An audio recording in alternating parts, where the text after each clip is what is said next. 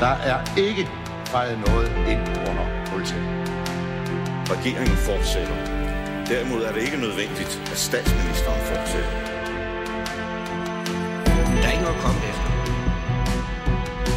Her Helle, pas rigtig godt på dem. De er kun til lås. Fordi sådan er det jo. Jeg kan bare sige, at der kommer en god løsning i morgen. Velkommen til Ministertid Live, programmet, hvor vi diskuterer aktuel politik med forhenværende ministre. I denne uge skal vi se nærmere på regeringspartiet Venstre, der afholder landsmøde i weekenden. Partiet får ny formand, partiet mister vælgere. Hvordan skal det dog gå det gamle liberale bundeparti? Og så er justitsminister Peter Hummelgaard om nogen i vælten. Man skal finde ud af, hvordan en FE-undersøgelse skal se ud. Der har været behandling af Koranloven, den justerede i Folketinget i den her uge. Nu er justitsministeren også ude at tale om, om man måske kan lave et forbud imod hisbutterier, og i sidste uge kom han sågar med en bandepakke, så der er nok at tage fat på også der. Til at gøre os klogere på det hele har jeg besøg af to gode gæster. Den ene er Ministrenes minister, som jeg plejer at sige, forhenværende undervisnings-, forsknings-, integrations-, Europa, indrigs-, sundheds-, udviklings-, kultur-, kirkeminister og nordisk minister. Flere af posterne flere gange. Bertel Hårder, Venstre, velkommen til dig. Tak skal du have. Og forhenværende kirkeminister Johannes Lebæk fra De Radikale, øh, udsendelsens øh, faste ven, øh, som, øh, som øh, altid gør øh, udsendelserne øh, gode og øh, er populær blandt vores lyttere. Mit navn er Simon Emil Amitsbøl Bille, og jeg er din vært i Ministertid Live. Men vi begynder med Venstre. Fra 2001 og 14 år frem. Danmarks største parti i Folketinget. I dag en skygge af sig selv. Med meningsmålinger senest i dag øh, som bliver lavere og lavere. Jeg tror, den er under 9 procent i dag, hvilket vil være det dårligste valg i partiets historie, det vil sige siden 1870. Bertel Hårder, det må tynge en gammel venstremand som dig. Ja, selvfølgelig gør det det. Men det er jo altid dejligt at kunne se langt tilbage, fordi så kan man jo finde situationer, hvor det har været mindst lige så slemt. Altså, da Jacob Ellemanns far Uffe første gang mødte vælgerne som formand i 1987, der fik han 10,3 procent af stemmerne. 19 mandater. Og Jacob Ellemann fik trods alt 13,1 eller andet ved sidste valg. Og så det, man skal huske, er, at da så han havde fået de der godt 10 procent af stemmerne, så gik der ikke særlig lang tid, så var Venstre op på 30 procent af stemmerne. Altså fra 87 til 2001. Der gik, Det er faktisk kun 14 år. der gik 14 år fra partiets dårligste valg til det bedste valg i mange, mange, mange, mange år. Ja, Så du mener, at øh, der er grundlag for optimisme? ja, men det kommer bestemt ikke af sig selv, og det afhænger jo af, hvad alle mulige andre gør. Men øh, vi er jo et parti, som, som har en rigtig stærk organisation og et øh, stort og bredt bagland i det kommunale. Det er også derfor, vi sådan set har det fint med at samarbejde over midten, for det gør man jo normalt i det kommunale. Øh, så det, der var galt, var ikke det, Jacob Ellemann gjorde, men måske det, han sagde før valget. Det var ikke så klogt. Altså det med, at han ikke ville gøre Mette Ja. Frederiksen til statsminister. Ja, og forskellige andre ting. Så, så jeg vil næsten øh, citere Slytter. Det skal nok gå alt sammen, men der kan godt gå lidt tid. Og øh, nu skal stumperne samles. Og nu bliver det altså Troels Lund Poulsen, som øh, kombinerer det at være rimelig kedelig, som en jysk kassemester skal være. Han har forstand på penge, og det er vigtigt, og det klæder Venstre med økonomisk snusfornuft. Og, og det kombinerer han med, at øh, jeg tror, han er god til at, at give andre partier noget, så de gider samarbejde med ham. Altså det værste, man kan gøre i politik, det er at selv tage æren for alting. Man skal være lidt tilbageholdende og sørge for, at der også er noget, andre kan tage æren for. Johan Slebæk, du sidder jo så og ser på det udefra, og hvis man ser på medierne i dag, så er der jo nærmest ikke den avis, der ikke har sin vinkel på Venstres krise. Bertel er også selv øh, i information, men øh, man kan se til Jyllandsposten, det Bergenske Tidene til andre, der er der analyser, der er interviews osv. Du har jo også prøvet at være i et parti, altså du var landsformand for det radikale venstre i, i slut 90'erne. Der lå det radikale venstre ikke særlig godt på en 3-4 procent i, i meningsmålinger på en god dag. Altså, hvordan kommer man op igen? Det er meget svært at sige. Jeg tror, jeg, jeg hæfter mig en af de ting, Bertel sagde. Det var, at vi har, vi har at gøre med et parti, i Venstres tilfælde, der har en meget gammel, fast organisatorisk struktur. Der er nogle traditioner. Og det er også en af de ting, jeg tror, der har været øh, et vigtigt element ved det radikale venstre. Vi, vi er også gået op og ned. Ikke helt i samme omfang, som, som hvis vi ikke, så skal vi helt tilbage til Hilmar Bavnsgaards dage, øh, hvis vi skal tale om 30 mandater og sådan noget. Men vi er også, i, inden for de sidste 20-30 år, har vi gået op og ned ret så voldsomt øh, inden for en anden marven. Ja, med 7 og 17 mandater. Ja, 7 og 17, ikke? Altså, vi, vi, vi kan også det der. Men jeg tror, det, der gør, at vi, ligesom Venstre, godt kan tillade os at være optimister, det er, at den der struktur, der er i den, øh, den originale organisation og tradition, der er, den er med til at holde partiet øh, oven vande. Men, men Venstre er jo ligesom vi har været øh, i, i den periode her, troet udefra. Der er jo så faktisk tre partier, der slås om Venstres vælgere. Altså Moderaterne helt oplagt, Danmarksdemokraterne helt oplagt, men øh, som jeg kan se øh, øh, i, i øh, de nyeste meningsmålinger, så er der også Liberal Alliance, der har taget vælgere fra Venstre. De tager faktisk flere vælgere end de to andre. Så, så Venstre er meget presset, og, og det vil være, blive interessant at se, om de der tre andre partier, som jo er langt yngre partier, om de er i stand til på længere sigt at tro Venstre. Vi har jo, vi har jo før set nye partier opstå og forsvinde igen. Men altså, hvor skal Venstre få vælgerne fra? Hvis man ser på dagens øh, aviser, så kan vi se, at øh, både Janne Jørgensen, storbystemme, som han vist kalder sig selv, fra Frederiksberg godt nok, er ude og tale om det her med byvælgerne. Men de tre øh, spidser i de tre største kommuner, det vil sige København, Aarhus, Odense, øh, venstrefolkene øh, på rådhusene, der er ude og sige, at det handler om, at man skal satse på den kollektive trafik, og man skal have byvælgere. Øh, samtidig har Hans Mortensen fra Weekendavisen en analyse i dag, der siger, nej, det er i provinsen, Venstres fremtid ligger. Hvor ligger Venstres fremtid, Bertelone? Jeg er fuldstændig enig med de der tre øh, venstre spidser fra Odense, Aarhus og København. I øh, i, at Venstre skal gå på to ben. Det er altså ikke nok at konkurrere med Inger Støjberg om stemmerne i Vest-Danmark.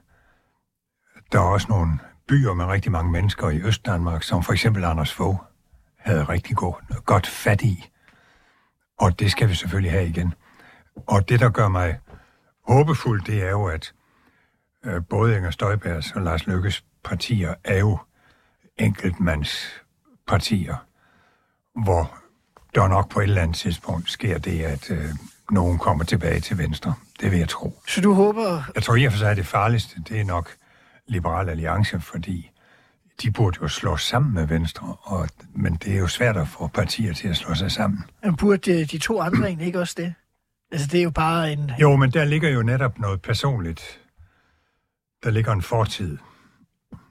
En formand, der blev afsat, en næstformand, som gik i vrede. Derfor er det nok svært at lappe i deres tid. Men når deres tid er på ud, når gassen går af dem, så tror jeg, der er mange, der siver tilbage til venstre. Men er det ikke et meget lønligt håb? Altså, fordi jeg tænker, der kan jo gå lang tid. Øh, så gammel er Inger Støjberg der i hvert fald ikke, og Lars Lykke, han overlever hvad som helst. Jeg tror, du selv har sagt, at han har, var det ni liv? Han har ni liv, og han er i gang med det tiende. Ja, han er i gang men, med den anden kat. men alting får en ende. Ja, og så tænker du, så er der ingen, der kan, der kan jo godt opstå, at Jakob Engel Schmidt eller hvad ved jeg, øh, andre øh, kan overtage og alligevel vise sig at kunne holde projektet i gang. Ja, det kan man bestemt ikke udelukke. Der er jo der er dygtige folk. Der er også hende Monika, som man skal lægge mærke til. Monika Rubin, politisk I det samme, for, i, det, I det samme parti. Ja, ja, ja. Men alligevel, det er et lykkeparti. Og øhm, man ved ikke, om, om om dæktrykket kan holdes i længden i det parti. Nej, altså det må fremtiden selvfølgelig vise, hvordan det går der. Men man kan sige, at Troels Lund står jo med en meget klar udfordring lige nu. Nu er vi et år henne i valgperioden, og selvfølgelig tre år. Han har lidt, at, og lidt tid at tage af. Men altså, hvis vi ser på den her, øh, den her meningsmåling, som vi, som vi talte om, ikke?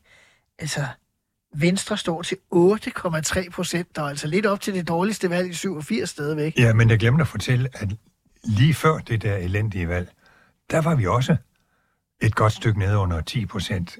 Jeg husker tydeligt, den blev omdelt i Folketingssalen på ministerpladserne, og den var vi da ikke glade for, så gik det trods alt ikke nær så slemt. Så du tænker, at der er selvfølgelig håb, og det andet. Det er jo ikke noget valgresultat. Men altså, i det hele taget, regeringsprojektet er jo under pres. Øh, Frederik Hjort, som er øh, øh professor tilknyttet øh, statskundskab øh, på Københavns Universitet, han har i dag på det sociale medie X, det der tidligere hed Twitter, øh, lagt nogle tal ud, der viser, at siden murens fald, så har 95 procent af regeringer inden for OECD klaret sig bedre ved det førstkommende valg, end SVM står til lige nu. Ja, ja, ved det førstkommende valg. Ja. Men vi har jo ikke set det, Det førstkommende valg endnu. Men, men det er stadig markant. Altså, du kan jo ikke finde historiske eksempler. Altså, Jeg troede, jeg var medlem af en regering, der var meget upopulær. Så må man da sige, at SVM kom og, og viste, hvad upopularitet er. Men det tager jeg ret roligt. Og det kan jo da godt være efter et valg, at så må de tage de radikale med ombord, hvis de radikale vil. Jeg tror, de fortryder meget, at de ikke er med. Og det gør de konservative også, fordi de er jo begge to blevet temmelig ligegyldige, og det har de det dårligt med. Så der er jo meget, man kan gøre. Og så har Troels Lund jo været så klog, at han ikke har udelukket, at han vil sætte sig i spidsen for et borgerligt liberalt projekt. Og det er jo klogt, fordi det styrker hans indflydelse inden for regeringen, at han har et andet sted at gå hen. Så han kan true Mette Frederiksen, eller ikke true. Ikke han kan bare true, nævne, at den mulighed eksisterer. Men det vil så ligge i luften, at han altså ikke er en mand uden alternative muligheder. Og sådan noget er Troels god til at udnytte. Det er lige det, han kan. Det er jeg ikke i tvivl om. Jeg øh, har jo også arbejdet øh, tæt sammen med ham. Øh, Johannes Lebæk, har Bertel Hårde ret i, at de radikale sidder og fortryder ikke at være kommet med i... Nej, jeg, jeg, Vær nu ærlig. de radikale siger det jo ikke højt, men, men vi, øh, vi er jo et parti, der altid fortryder, når vi ikke er med. Ja. Altså, vi vil jo gerne være med, øh, hvor, hvor der er indflydelse. Øh, så, så det, men jeg vil sige, øh, sådan min personlige mening er, at jeg tror, det var godt nok, vi ikke gik med den her gang. For jeg synes, der, der klæber et eller andet øh, ved den her regering, at det næsten skal gå galt hele tiden. Og det kan godt blive Venstres største problem, at, at, øh, at det vælgerne vil søge om nogle år, vil være et alternativ. Det er jo sådan set også det, man, det erkender jeg gerne. Øh, man søgte, da Anders Fogh kom til øh, magten i sin tid. Man Israel taber magten. Jamen, der er også noget med, i Danmark er der en tendens til, at man skal skifte magten en gang imellem. Øh, og det, der kan man så sige, øh, det er jo så det, man prøvede med den nye regering her, at lave noget helt nyt. Men det, jeg skal da hilse at sige, endnu er det der ikke gået særlig godt. Man kan faktisk sige, at siden 2011 har man skiftet magt hele tiden. Ja, men man har skiftet magt mange gange, men der er også en behov for os, øh, blandt vælgerne at se noget nyt, og der er måske, der er måske, det behov er måske stedet, fordi der er, vælgerne er mere ustabile, end de nogensinde har været, af min fornemmelse i hvert fald på, se alle de mange partier, vi har i dag. Øh, så, så, så på en eller anden måde kan det godt være, at Venstres store problem bliver, at de hænger på den her regering. Og, og, og det er jo utroligt, det der er sket. Tænk på en Mette Frederiksen, der var for, for øh, godt halvanden, to år siden, var en folkehelt og stod til det største socialdemokrati, vi har set i årtier, og nu lige pludselig er også øh, styrt dykket af, af En- mange forskellige grunde. Socialdemokratiet har den dårligste opinionmåling i dag, siden Mette Frederiksen blev øh, formand for partiet. Altså, så de er også presset, man Ja. ja. kan sige. De radikale har jo ikke kunne tåle at gå lige så meget tilbage som regeringspartierne procentuelt, så var man på vej ud af Folketinget. Ja, ja. Det er rigtigt, men øh, det, det plejer jeg altid at sige, når vi bliver spurgt, om vi går ud af Folketinget. Jeg tror ikke på, at vi, vi, vi nærmer os 2% grænsen, og så går vi opad igen. Så det- jeg, jeg er optimist på det område. Men jeg synes, regeringen er under meget pres, ligesom om de eneste, der ligesom klarer lidt friplads, det er moderaterne, der ligesom styrer lidt udenom det hele. Jeg kan ikke lige huske, hvordan Ja, de meningsmålene går, er. de, det går også dårligt for dem, men problemet er måske, at Bertel Hård har ret i, at da det er så meget knyttet op på Lars Lykke, så er det sådan set ligegyldigt, om de får 5 eller 10 procent, fordi det er han ikke så afhængig af. Han skal bare have de afgørende mandater inde på midten. Og det ser målingen jo øvrigt også ud til at gøre. Jeg synes, der er en ting, man skal tænke på. Hvis Venstre skal komme tilbage til sin fordoms storhed, så skal det jo være et folkeparti, ligesom Socialdemokratiet skal være det. Altså man, skal, man bliver nødt til at henvende sig bredt øh, til brede befolkningsgrupper. Og det kan ikke hjælpe, at man lader sig binde op på landbruget kun. Med al respekt for landbruget, så er det relativt få vælgere. Men sandheden er jo også, at Venstres organisation, så jeg har lige set nogle nye tal før, der er meget styret af folk, der har tætte kontakter til landbruget. Og hvis det bliver den almindelige fortælling hos vælgerne, at Venstre er et parti, der er bundet til kvælstofudledning, til øh, ingen vilje til at lave CO2, øh, ikke ville lave øh, øh, grænser uden omkring vandboringer, hvor der er pesticider. Det, øh, hele den der tøven fra landbrugets side.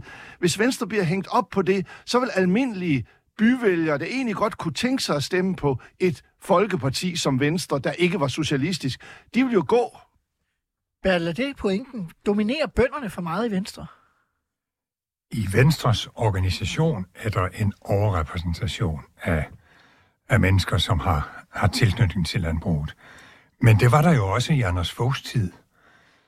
Og det hænger jo sammen med, at Venstre for gammel tid er et, et efter min mening, et, et virkelig folkeparti. Altså en kombination af, af små selvstændige øh, med økonomisk snusfornuft, og så med noget moderne i form af, at, at folk i dag jo ikke på samme måde hænger fast i deres fagforening eller øh, den bås, som, som mange mennesker vil puttes i. Det var jo derfor, Anders Fogh kunne blive så stor. Men tynger historien i virkeligheden mere end på noget tidspunkt før, fordi da Venstre blev dannet, så måtte et folkeparti jo have øh, landbruget med sig, fordi landbruget fyldte det meste, om ikke det hele.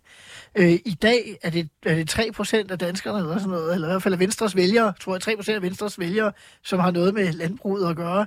Det kan man jo ikke bygge et folkeparti på. Nej, men det er der, der heller ingen, der drømmer om. Men øh, ikke desto mindre, øh, så, så er der altså en CO2-afgift, som, som virkelig er noget nyt og hvor der selvfølgelig er stor spænding i dele af Venstres bagland med hensyn til, hvad menes der, når man siger, at provenyet, altså de penge, der kommer ind ved CO2-afgiften, at de skal føres tilbage. Hvad menes der med det? Uh-huh. Bliver det et byråkratisk helvede, og øh, bliver alle øh, behandlet nye? Nej, det gør det selvfølgelig ikke, fordi det skal være dem, der er mest miljøvenlige, der får flest penge. Og det bliver da svært. Men jeg kender ikke noget menneske i verden, som vil være bedre til at sidde og trykke på de knapper, end lige præcis Troels Lund. Og når det så i sidste ende bliver sådan, at landbruget ikke får alle deres ønsker opfyldt, så er der ingen bedre end Troels Lund, som kan slippe afsted med det. Altså fordi og der er jo nogen, der skal skuffes.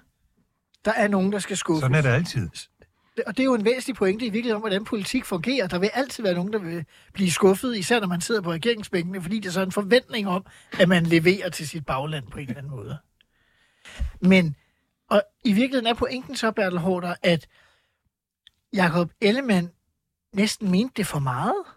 Mens Troels Lund, fordi han har mere sådan lidt landbrugstilknytning, selvom han jo ikke er nogen rigtig landmand i den forstand, er en fritidslandmand, øh, så har han større troværdighed og, og kan føle smerten måske øh, med dem, det går ud over på en anden måde, eller med en større troværdighed. Kan ja, altså ja. Jeg holder utrolig meget af Jacob Ellemann, hans ordentlighed og ranke ryg og så videre. Men nu har han kastet håndklædet i ringen, og så gælder det om i Troels Lund at se de fordele, han har, specielt i den aktuelle situation, hvor han skal være en mule stærk forhandler inden for regeringen, fordi alle tre regeringspartier har problemer, og hvor han til med får problemer i sit bagland, hvor der er nogen, der skal skuffes, og, og det er jo så det, han skal det er jo så det, han skal stå for og komme igennem. Det bliver spændende at se, øh, hvordan det vil gå, øh, Troels Lund. Vi er jo sikre på, at han bliver valgt her i weekenden, fordi øh, fristen for øh, kandidater er overskrevet. Ja, og det er jo lidt trist. Hvad er trist? At der ikke er konkurrence? At, at der ikke går mere end et par timer efter, at Jacob Ellemann har sagt afsked, så har medierne kåret hans afløser. Men, men sådan var det også, da Uffe blev formand. Men har, har, det er desværre det moderne demokrati. Men har ledende venstrefolk ikke selv gjort det? Altså, jo, jo. Søren Gade, han øh, skrev på Facebook øh, under pressemødet, at han ja, flyttede øh, Troels det var lynhurtigt. Og det havde så den fordel, at så fik man ikke en stor diskussion om det. Men øh, det havde sådan set været bedre for Troels Lund, hvis han ikke bare var blevet udnævnt af Søren Gade et par timer efter, at, at ballet var åbnet. Aha. Johannes Lebæk, øh, Palle Hård, der sagde før, at øh, der er stillhed omkring de radikale og de konservative. Der, vi kan jo ikke sige andet end, der er blæst om Venstre. Der er jo ikke et medie, der ikke er fyldt med en analyse, eller et interview, eller en meningsmåling, eller et eller andet i dag. Der er også landsmøder, så det er måske meget naturligt. Men altså, kan man nærmest være misundelig på, at der er så meget diskussion om, hvor partiet skal hen? Fordi den, der, det er jo ikke den, der lever stille, lever godt altid i politik. Nej, ikke i politik. Det... Ej, nu, jeg, er nu, jeg er nu svært ved at være misundelig på Venstre lige for tiden. Fordi øh, jeg synes, vi, er, vi har haft vores... Øh, vi, har, vi har øh, egentlig haft behov for, inden for de sidste års tid her, at faktisk være lidt stille, og så komme langsomt op igen, fordi jeg skal da lige lov for, at det radikale venstre, de kørte igen med et par turbulente år, år her for nylig. Så, men, men det, jeg tror, det, det min pointe var før, det var, at Venstre kan, skal passe meget på, at fortællingen om Venstre, jeg siger ikke, det nødvendigvis er rigtigt, men, det, men politik handler jo meget om den fortælling, der opstår om en. Og hvis fortællingen om Venstre bliver, at de vil også kun beskytte landbruget, mm. og de har ikke andet i hovedet end landbruget, og det bidrager pressen jo også til, for, for noget af det, der står konstant om Troels Lund, hvad vil han gøre ved CO2-afgiften? Hvad vil han gøre ved CO2-afgiften? Så han bliver jo hele tiden påduttet, at noget af det allervigtigste, han skal klare for Venstre, det bliver CO2-afgiften. Og det kan godt ødelægge hans fortælling om et mere moderne parti. Men hvad skal, hvad skal den arme mand gøre, er lige ved at sige? Altså, skal han bare få det overstået så hurtigt som muligt, sådan så man kan komme videre?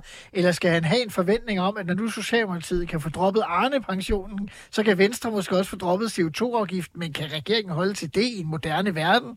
Jeg tror, han skal, øh, de skal få overstået den der CO2-afgift meget hurtigt, og jeg tror også, de vil være til fordel for den, den samlede regering, at der bliver ro om den diskussion, at man får gennemført en fornuftig og relativt strikt øh, CO2-afgift, som vil kunne øh, danne et grundlag for, at man på, i befolkningen tror, at nu gør man noget ved, de, ved det grønne.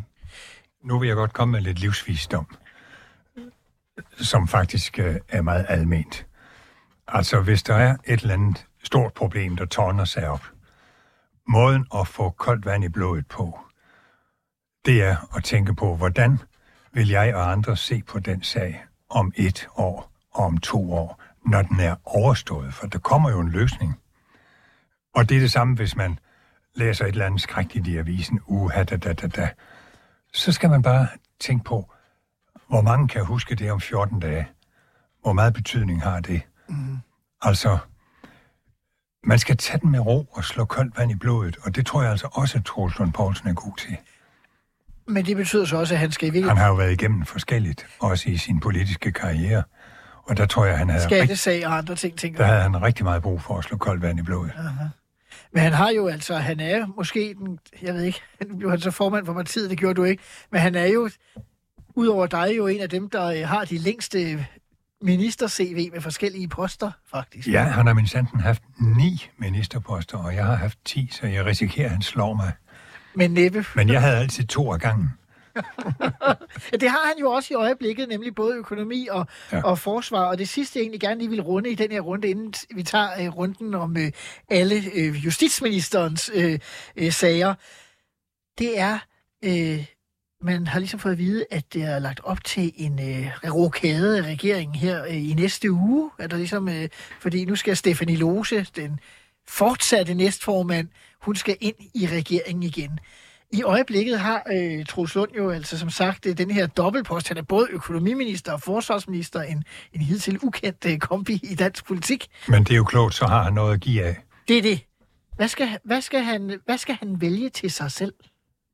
Jeg læser i avisen, at han har tænkt sig at give økonomiministeriet til Stefanie Lose, Aha. og selv beholde forsvarsministeriet. Og Men det kan jo bare være avisskriver, det, det ved vi. Det er måske klogt nok. Øhm, og jeg tror ikke, hun skal være forsvarsminister, skønt det kunne hun måske godt. Nu har der jo været, øh, kan man sige, der er jo ikke gode erfaringer med at gøre en øh, formand for Region Syd til forsvarsminister i Venstre hvis man øh, tager fra sidst, men det er jo ikke sikkert, det vil være en til en det samme, der vil ske. det vil det jo næppe. Nej, men Æ, blev han ikke renset bagefter? Jo, han blev renset. Det har vi også haft en udsendelse om, man kan gå tilbage og høre ministertid med Karl Holst, men det, men det gik jo ikke, øh, kan man sige, øh, på den korte bane. Der jeg vil hen, det er, Truls Lunds råd til Jakob Ellemann, det var, at det var klogest at være økonomiminister. Ja, det var også mit råd til ham. Godt. Allerede i foråret. Hvis nu man skulle give et råd til Troels Lund, er det så ikke at huske på ham på, at han ikke falder i samme fælde som Jakob Ellemann, og lader sig friste af, at forsvarsministeriet, det kan være spændende, og det fylder i, i, i øjeblikket, og der skal øh, fordeles mange milliarder indkøb og så videre. Men sandheden er jo, at der skal han jo slås om dagsordenen med udenrigsminister Lars Løkke og statsminister Mette Frederiksen om det internationale. Vil det ikke være klogere, at han var den økonomiske snusfornus, som du talte om før, Bertel Hård, over i økonomiministeriet? Det kan man i hvert fald argumentere for. Så har han jo rigtig god tid til at blande sig i de andre ministers områder. Det er jo det, er jo det en økonomiminister skal. Øh, specielt når man er nummer et i et parti. Så det er, der, det er der rigtig meget, der taler om, men det kræver så en lidt større rokade. Mm-hmm. Men øh, nu vil jeg ikke sidde og udbrede mig om det, men selvfølgelig er der muligheder. Nej, det, det sidste spørgsmål, det vil jeg ikke stille til dig, Bertel, fordi du er partifælde, og det vil jeg respektere, at det skal du ikke øh, komme med en anden udtalelse, som vil eksplodere, hvis du svarer på det spørgsmål, jeg nu stiller til Johannes Lebæk. Er der nogen af Venstres ministre, han øh, burde se ned over listen og sige, en Jakob Jensen, en Marie Bjerre, en Louise Jacques Elholm, der kunne måske være en fordel i at sende dem tilbage til Folketingsgruppen og give plads til, at der kan komme nye ansigter, der kunne vitalisere Venstre igen. Altså det med at give plads til nye ansigter, der vil jeg sige, jeg tror ikke, at han kan sætte andre ind, som vil være nye ansigter, for jeg tror, mange almindelige vælgere, de, de kender ikke engang de der ansigter, du lige taler om på nuværende tidspunkt. Altså, det er faktisk en sørgelig sandhed. Man kender ikke den her regering ud i alle dens kroge. Det er en 3-4 øh, personligheder, der, der, der tegner den. Jeg, som, jeg havde oprindeligt troet, at der kunne komme en mammutrokade, hvor man også inddrog noget for, nogle for de andre øh, partier. Men jeg har forstået på det, at øh, det er i hvert fald det, jeg har læst mig til i avisen, at det bliver en ren venstre intern rokade. Der bliver ikke noget med, at man kan gå på rov i de andre ministerier. Jeg vil nok mene, at... Øh, han vil være alt forbundet af Forsvarsministeriet, der skal til at bruge milliarder nu, og hvor der også godt kan komme nogle sager. Øh, der, der er jo allerede en sag om rejser, og det, det er jo noget, der kan gå helt galt her i, i, øh, i, i, i, i, i verden. Og øh, Ja, der er Elbit-sagen. Ja, Elbit-sagen, og der, der er så meget i det forsvarsministerium. Så jeg vil nok sige, som øh, partiformand, der skal prøve at samle Venstre op, der vil nok være klogt at gøre, som en række andre partiformænd har gjort, blandt andet Marianne Hjelve, øh, gennem alle de år, hun var minister, øh, i hvert fald i, i nyopregeringen, der at være økonomiminister. Man skal vel helt tilbage til, øh, til Anders Foghs sag i 92, før der var en sag i økonomiministeriet. Altså, bare for at sige, at det, under, under, jeg er også tidligere økonomiminister, ja, ja. bare for at understrege din pointe, ja. at det er jo faktisk et område, hvor det er svært at få en sag, fordi det er så overordnet og ikke særlig konkret.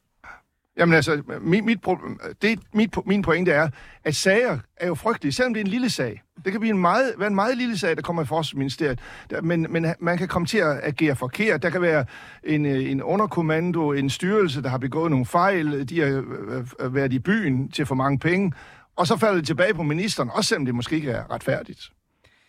Det bliver de sidste ord i slaget om Venstre i denne uge. I næste uge kan jeg så sammen med mine gæster der diskutere, var det en klog rokade, som Troels Lund han øh, lavede. Vi skal øh, gå over til en anden del af regeringen, nemlig Socialdemokratiet og Justitsminister Peter Hummelgaard.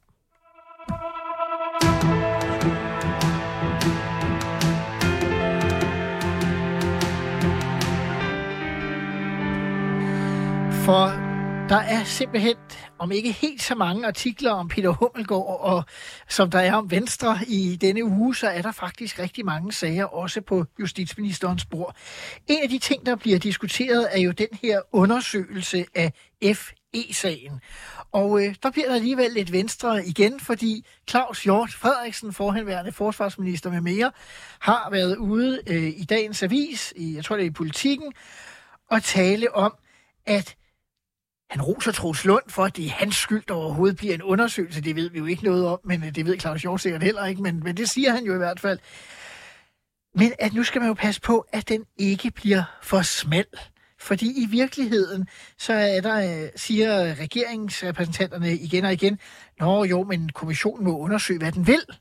Men vi, der har haft noget med det at gøre, ved godt, at sådan fungerer det jo ikke i praksis. Kommissionen undersøger normalt det, den bliver bedt om og ikke bare det, den vil. Øhm, Johannes Lebæk, kan regeringen slippe af sted med bare at lave en smal undersøgelse, tror du?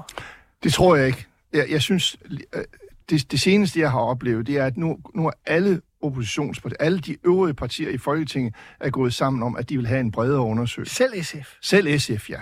Der er slet ikke nogen, der, der redder regeringen her længere. Det, der kan redde regeringen, det er, hvis, hvis justitsministeren er i stand til at sætte sig sammen med ordførerne fra de andre partier og lave en bredere undersøgelse, så man får belyst det, det, det den elefant i rummet, det er, hvem satte gang i den her vilde sag? Øh, og jeg tvivler på, at man, man finder ud af det, øh, fordi der vil altid være nogen, der, der så ikke siger noget. Og jeg, jeg har da også set, at oppositionspartierne er villige til, at der er dele af undersøgelsen, der skal være hemmelig med respekt for, for øh, efterretningstjenesterne. Det er ikke sådan, man har sagt, at man kan lukke øh, hele, hele alle arkiverne op og så offentliggøre dem. Så der er også fra øh, ordførende i de andre partier, øh, oppositionspartierne, en vilje til, at der godt kan være noget, der ikke kan komme frem. Og hvis Hummelgaard ikke er i stand til at få en noget bredere undersøgelse igen, men man hammer en smal regeringsundersøgelse igen, så tror jeg, altså, det vil øh, blive et problem for regeringen, og det vil så i øvrigt også blive et problem for Venstre. Så forestil dig, at Venstre ikke havde været i regering, så har de jo selvfølgelig stået sammen med de andre og krævet en undersøgelse. Bertel Hård, er der ikke en væsentlig pointe i det, Johan Lebæk siger her, at først så ville Venstre have, at der skulle placeres et politisk ansvar i mink. Så kom man ind i regeringen, og så droppede man det der med minken. Øh, nu kommer der endnu en forvaltningsmæssig skandale, i hvert fald muligvis. Og hvis den bliver sådan snævert aftalt af regeringspartierne alene, står man så ikke i en situation igen, hvor at man vil forvente, at et retsstatsparti som Venstre ville sørge for, at der der kom en, øh, en bredere undersøgelse? Jo, nu kan jeg huske det med Mink-sagen, hvor der jo var nogle rigtig kloge juridiske professorer, som mente, at der ikke var noget at komme efter. Og jeg tror, det var med til, at Venstre så gik på kompromis i den sag. Der er to ting, som sådan øh, mine ledestjerner. Det ene, det er, det er altså vigtigt, at der er noget, der holdes hemmeligt. Danmark har altid været en lojal NATO-allieret og været værdifuld, blandt andet i kraft af vores dygtige efterretningsvæsen. Og det skulle meget nødigt ændre sig. Og det andet, jeg er altid på vagt over for konspirationsteorier. Specielt konspirationsteorier, hvor der ikke er noget motiv. Altså tager vi nu for eksempel anklagen mod Claus Hjort. Hvilket motiv skulle Mette Frederiksen og den tidligere forsvarsminister have haft for at få øh, Claus Hjort Frederiksen puttet i kasjotten? Altså, er der et eneste motiv, der kan have drevet dem? Det synes jeg ikke, der er. Altså, de kunne da, enhver kunne regne ud, at han ville få masser af sympati. Der mangler simpelthen et motiv. Og så kan jeg slet ikke tage det, når, når der er nogen, der mener, at, at rigsadvokaten er sådan lidt øh, småkorrupt. Og, altså Reichendorf. Ja, Nej, ikke Reichendorf, hvad hedder han? Øh. Man sagde tidligere, at rigsadvokaten jo var socialdemokrat og så videre. Ja, men hold nu op. Altså, vi har lojale, ubestikkelige embedsmænd i Danmark, og derfor skal man passe på med at at lave teorier om, at der er nok nogen, der har misbrugt deres magt. Det tror jeg simpelthen ikke på, der er. Jeg står ikke her og, og markedsfører et, øh, et synspunkt. Øh, jeg spørger bare, vil det ikke være klogt af Mette Frederiksen og regeringen, hvis man nu tænker, jamen der er ikke noget om snakken, hvorfor så ikke bare lave den undersøgelse, nu der er ni partier i Folketinget, der gerne vil? Men nu ved vi jo heller ikke, hvad det ender med. Altså justitsministeren skal jo forhandle med de, med de ni partier i opposition. Uden for regeringen, ja. Og det kunne da godt være, at der var et eller flere af dem, som han kunne, som han kunne få med. Han er, hvad hedder det nu, ude i øh, Berlingske Tidene, sådan, og i Berlingske Tidene ord i hvert fald en uh, let skjult trussel til Folketingets partier, når han siger, jeg appellerer til de partier, der enten har siddet i regering, eller gerne vil i regering, udviser ansvar men i virkeligheden også agerer, som om de sad i regering. Ja. Er der nogen, der kører for meget på frihjul i den her sag? Jeg er i hvert fald fuldstændig enig i hans opfordring. Jeg vil så ikke sætte mig til dom, men det er en rigtig god ledestjerne, at man ikke kræver andet, end man selv ville gøre, hvis man var i regering. Og det var måske det, Venstre forbrød sig lidt imod før valget. På Mink-sagen. Ja, og måske også andre ting, der blev sagt. Men kunne man ikke også mene det modsatte? At når man er i regering, skal man engang imellem også huske, hvad man vil mene, hvis man ikke sad på regeringen, men man var dem, der skulle kontrollere regeringen. Men det kommer jo af sig selv, for ellers får man så mange kul i Folketinget. Og det kommer jo blandt andet i den her sag. Altså, jeg vil sådan hen til, altså, det radikale venstre, øh, Johan Slebæk, er jo et af de partier, som han henviser til, for nu at sige det Jamen, det er der ingen tvivl om. Altså, han henviser til konservative, radikale, liberale alliance, SF, de fire partier, der har siddet i regeringen. Det er jo det, det handler om. Mm. Øh, måske også til Inger Støjberg, fordi hun har jo, det synes jeg er meget øh, svært at skjule, et meget stort ønske også en dag at komme i regering igen. Så de fem partier, altså hul i enhedslisten, Alternativet, Nye Borgerlige og Dansk Folkeparti, det kan, det kan man ligesom skubbe til side. Men de fire-fem andre, har han ret i, at de burde øh, lige hanke op i sig selv og, og, Jeg, jeg, jeg håber, de har hanket op i sig selv. Altså, det, det, det er derfor, jeg synes, det er en alvorlig sag, fordi vi, vi, der er jo til synligheden ingen, der ikke synes på nuværende tidspunkt, at man bliver nødt til at lave en lidt bredere undersøgelse.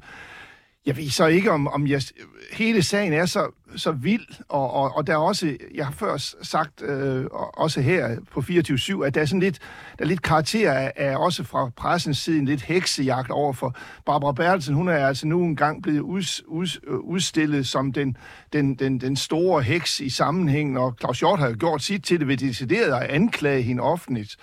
Og jeg synes også, man kunne godt have ønsket, at i hele den her sag, at der vendte man den også en lille smule på hovedet, og kiggede lidt fra den anden side, men der skal der lov for, at øh, der er en redaktør, der har fået fingrene i maskinen ved, ved at bare kritisere pressens behandling af den. Jeg tænker på Lea Korsgaard fra Zetland. fra, fra Zetland, som, som havde glemt at fortælle, at hun kendte Barbara Bertelsen privat, og så kom hun i, i den grad i klemme, og er nu i den, der bliver forfulgt i, i medierne, for ikke at have sagt, hun kendte Barbara. Så altså, hele den her sag er jo også en sag, der kører på en stor fortælling i forlængelse af Mink-sagen, hvor vi også havde hele den her sms-fortælling. Øh, en af de ting, jeg har tænkt en lille smule over, det er, om alle politikere måske skulle, skulle tænke over, hvad foregår der egentlig i almindelige vælgeres hjerner, når de næsten den vigtigste dagsorden bliver at slå på hinanden og finde ud af, hvad man har gjort og ikke gjort. Jeg, jeg har hørt politikere sige, at det er offentligheden, der gerne vil have det her frem. Jeg ved simpelthen ikke, om offentligheden er så interesseret i det. Jeg tror, de er interesseret i, at der bliver lavet god lovgivning i Danmark. Langt mere, end at man i den grad får slået hinanden i hovedet. Men jeg synes alligevel, vi er der, hvor vi bliver nødt til lige at få afklaret, hvad, hvad var op og ned i den her vilde Men, sag? men, men har Bertel ikke en pointe? Altså helt ærligt. Øh, fordi jeg øh, skal da sige ærligt, jeg har da tænkt øh, noget af det samme, som Bertel siger her. Hvad i alverden skulle Mette Frederiksen og Trine Bramsen og Nick Hækkerup, der var justitsminister, have haft af motiver? Hvorfor det, altså, Claus Hjort Frederiksen, med al respekt for hans store karriere, den var jo færdig. Altså, vi vidste jo godt, at han ligesom var på vej øh, ud. Hvorfor skulle, hvorfor, hvor, hvorfor skulle Altså, de hvis du, hvis du spørger om Claus Hjort Frederiksen, så det eneste motiv, jeg kan finde, det er irritation. Man er simpelthen blevet sur på manden, da han sidder i fjernsynet og gentager en, en hemmelighed, og der, er han, han er endda selv opmærksom på, at han øh, bevæger sig ud på lidt tynd grund. Han siger, ja, så må de jo sætte mig i fængsel for det, siger han. Og, og øh, det, det, den eneste motiv for, for, for at, at, at, at lave en tiltale mod ham, det kan, det kan jeg kun se, kan være, at der er nogen, der er blevet irriteret. For ellers, ellers kan jeg ikke rigtig forstå det, fordi alle kendte jo godt den hemmelighed. Det vidste Claus Hjort jo også. Oh, men, men der er vel forskel på, om alle kender en hemmelighed. Altså, det kan alle jo påstå, at de gør. Og så er det en forsvarsminister, der har siddet med ressortet, sidder i fjernsynet og siger, ja, det er jo et rigtigt, det som mange mennesker taler om. For han ved det jo i modsætning til her og fru Danmark og dig og mig. Ja. Og Jeg ved det ikke. Fordi det var ikke noget, økonomi- og indrigsminister var inde over i min tid. Om det var derfor, jeg sagde irritation. Aha. Men altså, hvis man nu forestiller sig, at man var rigsadvokat i stedet for, kan man så virkelig forestille sig, at rigsadvokaten kan se en, der ved noget om noget, siger det i fjernsynet, og tænker, nå ja, vi lader bare øh, noget gå for ret, altså i et retssamfund. Kan man det? Det var der ingen, der ville svare Nej, det, jo, det, det, det, det er jo, jeg, jeg tror, Bertel og jeg, vi, vi, vi mener, Bertel har meget mere erfaring, end jeg har i, i sådan nogle sager. Det er jo bare svært. Øh, det- der er jo ingen, der ved det. Man har, der er jo nogen, der har talt sammen. Der er nogen, der har talt sammen og sagde, hvad gør vi ved det her? Fordi du kom jo med et meget flot forsvar for at rent faktisk at lave en form for tiltale. Men kunne man, ku- ikke have gennemskuet, at det vil s- la- lave meget mere bravaller, end ikke at gøre det. Klart. Der var jo en opringning fra Justitsministeriet til, til Venstre om, at nu var det vigtigt ikke at bekræfte et samarbejde, som der ganske vist havde stået en hel masse om. Men forskellen er jo, at Claus Hjort var en af dem, der vidste det. Altså som, øh, som, som havde indsigt i det. Aha. Og, og der var forskel på, om Simon Emil Almesbøl formoder et eller andet, og så på, at en, der ved det, bekræfter det. Aha. I øvrigt, så har øh, Claus Hjort i den interviewbog, der er skrevet om ham, øh, der udtrykker han sin store respekt for samme Barbara Bertelsen, som man jo siger stod bag den opringning til Venstre, om at nu, skulle, nu var der nogen, der skulle dæmpe sig. Men det er jo, altså... Søren Pind har også udtrykt respekt Men for det, hende, og det har jeg jo også. Jeg synes i hvert fald også, at det er tankevækkende i den her debat, at øh, jeg møder mange mennesker, øh, også folk, som aldrig har været på Christiansborg som politikere eller embedsfolk, der siger til mig, men vi ved jo, at stats- og justitsministeren er inde over at beslut, træffe beslutning, eller statsministeren er inde over at træffe beslutningen. Justitsministeren ved, ja. for det står i loven. Men jeg har endnu ikke mødt en stats, tidligere stats- eller justitsminister, der giver dem ret. Men hvad er det så, de tænker på? Tænker de på, ja, nu skal vi lige bruge vores magt til at signere nogen. Nej, de tænker på noget helt andet. Hvordan dækker jeg min ryg, sådan så ingen kan anklage mig for noget som helst? Det er det, der driver dem, og ikke lysten til at få nogen anklaget.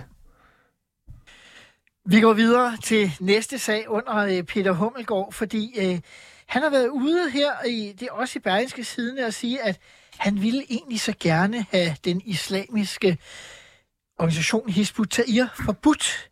Det er bare så svært med den lovgivning, øh, som vi har. Hvis man ser til vores øh, naboland, øh, Tyskland, så øh, er de jo i øjeblikket i gang med en stor ivrighed og lystighed og forbyde en række foreninger, alt hvad... Altså, der kommer indrigsministeren i øh, øh, Slesvig-Holsten øh, og sagt, vi tolererer generelt ingen islamistisk propaganda eller antisemitisk og israelfjendtlig hets. Men det vil jeg gerne svare på. For der er stor forskel på Tyskland og Danmark. Tyskland har krigen, holocaust og alt det der, som gør, at de jo også forbyder kommunister. I Danmark har vi jo... De forbød KPD, altså Kommunistpartiet, Ja. engang i, i Vesttysklands... Øh, I Danmark har vi blandt andet takket være Grundtvig en helt anden situation, hvor politiet jo gang på gang har sagt, vi taber en sag, hvis vi prøver at øh, få nogen forbudt, som bare har sagt noget. Hvis de har gjort noget, så er det noget helt andet. Men hvis de kun har sagt noget, så, så taber man sagen. Og det er jo det, jeg kan vide om ikke, da vi sad i regeringen sammen, jeg er da sikker på, at der har det sikkert også været fremme. Og du har måske også hørt mig citere Grundtvig. Munden fri, men hænderne bundet. Altså, det var jo hans princip. Man skal kunne sige, hvad man vil. Men hvis man gør nogle af de hæslige ting, som for eksempel Hizb eller rockerne kunne finde på at sige, hvis de gør det, så skal det knaldes. Men hvis de bare siger det, men, hvor går så er de beskyttet. men hvor går grænsen? Fordi et er jo at sige det, og et er at gøre det. Hvad med, der er jo trusler og intimidering og så videre. Er vi så over i gøre? Jeg vil er trusler, men jeg, jeg, jeg synes, Hummelgaard, med, med det, det udspil, der kommer her, at vi nu skal forbyde en, øh, en, en organisation, som, som helt tydeligt selvfølgelig i, i den, det kan man næsten kun forvente, i den konflikt, der er i Mellemøsten, tager et bestemt parti. At han nu vil slå ned på dem i, i et mix af Koranloven, det opfatter jeg faktisk som spin. Det er, nu skal han have noget anti-islamisk, fordi han bliver beskyldt for med Koranloven at løbe øh, de øh, islamiske regeringers ærne, og nu skal han så øh, mod, øh, øh, bevise det modsatte. Jeg, jeg må indrømme, det, det der forslag, han kommer med der, det anser jeg for noget af et spin. Men altså, vi er enige om, at der går folk rundt i gaderne og siger, at Palæstina er besat, det skal løses med jihad. Altså med hellig krig, med mor, med hvad ved jeg. Der er fremtrædende folk i Hizb ut-Tahrir, der har sagt, at det er bare helt fint, at øh, man lavede terrorangrebet på Israel. Man må ikke billige terror. Man må ikke billige terror. Hvad med foreninger, øh, som billiger terror? Skal de opløse? Jeg har forstået, at Hizb ut-Tahrir er meget dygtige til hele tiden at balancere på grænsen mellem det, de siger øh, eller grænsen for, hvad de kan sige og hvad de ikke kan sige. Øh, det er heller ikke en organisation, der øh, er i, i, i min venskabskreds. Det vil jeg gerne understrege. Men, men jeg synes ligesom Bertel, at der er grænser for, hvad, hvad, hvad man skal forbyde, og man skal øh, selvfølgelig holde øje med dem og se, om de overskrider de grænser, øh, som straffeloven øh, øh, byder. Men jeg ved ikke, om vi skal til at lovgive nyt. Øh, jeg synes, Koranloven, det har været nok øh, i, i, i den omgang. Ja, Bertel. Og den støtter de radikale jo nu, Ja, det gør de. Og, kan jeg forstå. I modsætning til Alternativet, der sprang i den her uge, Ja. ja. så sprang de radikale endelig til i forhold øh, til Koran. Men på det det er område- jo også fordi, det er blevet så lidt, at det er altså svært at være imod. ja. og jeg vil sige, jeg er så meget... Fuldstændig som den imamlov, jeg selv forhandlede i sin tid. Men Det, det kan man mene. Der tror jeg, jeg er ikke helt enig ved at I, sige, I forbindelse med er Koranloven, der føler jeg mig virkelig som en radikal.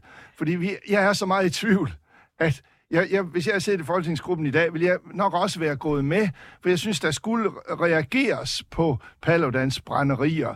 Men, men jeg kan godt se, jeg har også i set og læst fornuftige mennesker, som jeg har meget respekt for, skrive om principielle ting. Man kan sige, at man overskrider nogle principielle grænser med den her.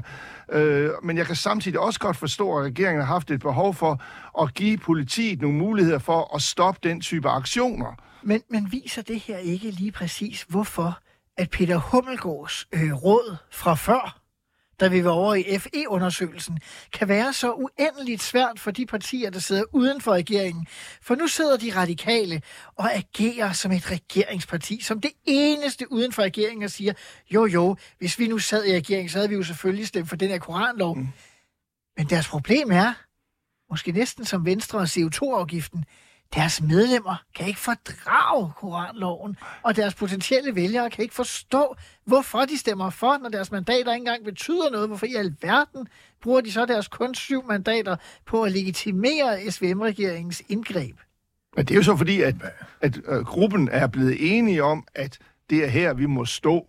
Øh, jeg er helt øh, overbevist om, at man er meget i tvivl, ligesom jeg er. Altså om, om, man, om man overskrider en eller anden principiel grænse for ytringsfriheden i Danmark, og ytring, øh, eller man, man skal være pragmatisk og sige, vi vil prøve at øh, dæmpe de problemer, som Danmark som nation kan have udadtil, hvis vi ikke har en fornuftig måde, vi kan håndtere den type aktioner på, som Paludan har stået for. Det vigtigste er jo, at man kan forbande Koranen og islam og alt, hvad den står for. Det kan man forbande langt væk. Men det der med at brænde den af, hvis det skal være tilladt, så må man også brænde en tora af, altså den jødiske helligdom og så videre. Og der er det så, at justitsministeren har forhandlet sig frem til et meget begrænset forbud, som jeg tror, alle kan leve med. Men, men der er vi jo tilbage ved, som jeg tror, jeg har sagt i nogle tidligere udsendelser. Altså, det er jo fint nok, fordi at vi tre, der sidder her, vi kunne jo aldrig finde på at brænde en koran eller en tore eller en bibel af. Altså, det kan jeg have svært for. Jeg kunne i hvert fald ikke, og jeg tror heller ikke, I kunne to tidligere kirkeminister sidder her. Men det er jo nemt nok at sige, når man begrænser ytringsfriheden for nogle andre end en selv, at det betyder jo ikke noget. Ja, ja, og, og man skal gøre det så, så præcist og gøre så lidt som muligt. Jamen, jeg, Og jeg synes altså, at justitsministeren har flyttet sig. Men alle talte om Paludan og så videre, det har jeg også været med til at gøre så videre. Men er sandheden ikke? Paludan, han er jo pacificeret. Han lever under politibeskyttelse, han brænder ingen koraner af længere. Vi behøver slet ikke nogen lov. den, den tanke også strejfede mig, at vi har sendt det signal, at vi, vi havde vilje til at lave loven, og så lægge den op på en hylde. Men sådan, sådan spiller Aarhus jo ikke. For på en eller anden måde har de, det at, at sætte, sætte lovarbejde i gang, har jo på, måske på en eller anden måde dæmpet den kritik, der kom udefra. Lige præcis. Og, så- og, og, men, men man kan jo ikke lægge den op på hylden nu. Og så har man fået en lov, der var meget, øh, om ikke nålestik, så i hvert fald et, en stor øh, øh, strikkenålsstik, øh, stik, man har fået lavet. Og så, så vil jeg sige, ytringsfrihed, jeg ved ikke om det... I mine øjne er det ikke ytringsfrihed at stå og brænde et, en, et skrift af foran andre mennesker, som, som, som, som kan blive såret af det. Øh, det. Det kan jeg egentlig ikke rigtig forstå af ytringsfrihed. Og det i øvrigt ville det jo være sådan, at hvis der indgik en, så vidt jeg læser loven, jeg har ikke læst den i detaljer, hvis det indgik en koran i et skuespil, og der et eller andet sted langt inde i skuespillet sker noget med den koran, så vil det, så vil det ikke være forbudt. Ja, men prøv at høre, vi har diskuteret Koranen i detaljer ja. i det her program øh, flere ja, Ja, ja. ja. gange, så det er ikke fordi, vi behøver øh, at, at ende øh, i en eller anden decideret diskussion om det. Den bliver jo til noget. Det interessante i ugen var, at Alternativet sprang fra, de radikale sprang til. Ja. Det synes jeg var, var det, der skete øh, i forhold til den. Men altså, du sagde før, at justitsminister øh, Peter Hummelgaard, han prøvede at tale om det her med Hisbutria for at komme væk for at tale om Koranloven. Men der er vel stadig den der pointe i at sige, hey, nu har vi gået efter Rasmus Paludan, men ender vi så ikke med at gå efter alle dem, der står og skriger, at øh, vi skal myrde jøder, og vi skal støtte jihad, og hvad ved jeg. De kan så bare få lov til at råbe lystigt videre. Jo, hvis de brænder de jødiske helligdomme af. Lidt Nej, nej, nej, nej, jeg tænker, det, det, det er jo indirekte. Hvis der kommer en stor demonstration igennem gaden, hvor du bor, der taler om, at der skal føres hellig krig mod dig og dine, det er da mere utryghedsskabende end en mand, der brænder en koran af foran den amerikanske eller den iranske Jamen, der er ifølge gældende straffelov, som også Johannes sagde, der er altså grænser for, hvor meget man må true og opfordre til vold. Det står jo også i grundloven. Men har du ikke været chokeret over nogle af de demonstrationer, vi har set de seneste uger, Bertelhunder? Jo, og jeg har... Altså, Hisbutteria er jo en redselsfuld øh, forening. Det er dem, der marcherer gennem Nørrebro under mottoet øh, Demokrati er hyggeleri, Koranen skal bestemme. Og det har de altså frihed til ifølge den danske ytringsfrihed. Men hvis de siger, at man skal slå, jø- slå jøder ihjel, så er der en hammer, der falder. så der en hammer, der falder. Vi når det ikke meget videre. Vi er i de sidste minutter af Ministertid Live her på 24-7. Vi er jo 11 måneder henne i SVM-regeringens tid. I lang tid i foråret, så begyndte det at gå bedre for den her regering, når jeg spurgte til sidst i udsendelsen. Tror jeg også, den findes? Om et, to og tre år, så var alle helt skråsikre. Tror jeg, regeringen sidder hele perioden ud, Bertelhort? Ja, med de meningsmålinger, hvorfor i alverden skulle den så gå af eller udskrive valg? Jeg tror, den sidder tiden ud, og det har vi jo efterhånden tradition for. Det var jo kun det radikale venstre, der afkortede valgperioden sidste gang. Og det gik jo ikke så godt. De, de blev halveret, og formanden døde af det. Men det kunne, Eller gik af. det kunne være, at Troels Lund ville lave en uh, Mimi Jacobsen og forlade regeringen i løbet af valgperioden for at sørge for at gøre sit parti. Men hvordan gik det nu med Mimi Jacob? Ved det første valg gik hun tre mandater frem. Ja, og derefter Ja, ja, der var men det det, slut. kan man, det havde nok ikke noget med det at gøre. Men det tror du ikke. Du tror på fuld. Nej. Hvad siger du, Johannes? Jeg er, lidt, jeg er lidt mere i tvivl, men, men det, er jo, det er jo rigtig nok, at, at regeringen har ikke noget motiv til at opløse sig selv lige nu. Altså, det skulle gerne begynde at gå lidt bedre. Og nu har de øh, i sidste uge, der anstrengt de sig øh, Søren Jens med både skattelettelser og velfærdsprogram, og jeg ved ikke hvad. Men har vi ikke alle sammen glemt det allerede? Jo, det er faktisk interessant, du siger det, og det er jo også noget af det, øh, Bertel Hårder sagde for lidt siden. Han sagde også noget med, at man glemmer ting. Altså, det, det, i morgen så er meget glemt, og jeg har fornemmelsen, at folk faktisk har glemt de to øh, øh, store udspil, der kom i sidste uge. Nu snakker man om noget helt andet. FE-sagen, den, den vil ligesom ikke dø. Koranen dør måske, loven dør måske nok om, om en måneds tid. Men altså, jeg er ikke helt sikker på, at man ikke kan få en situation, hvor Troels Lund siger, vi bliver nødt til at træde ud af regeringen. Men hvem ved?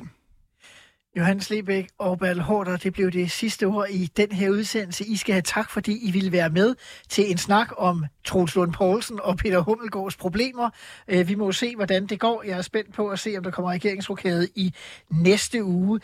Jeg er tilbage på søndag med en omgang Ministertid Classic, og på næste fredag med en ny omgang Ministertid Live, hvor der er aktuel politik, vi diskuterer med forhenværende minister. Tak for i dag, og på genhør.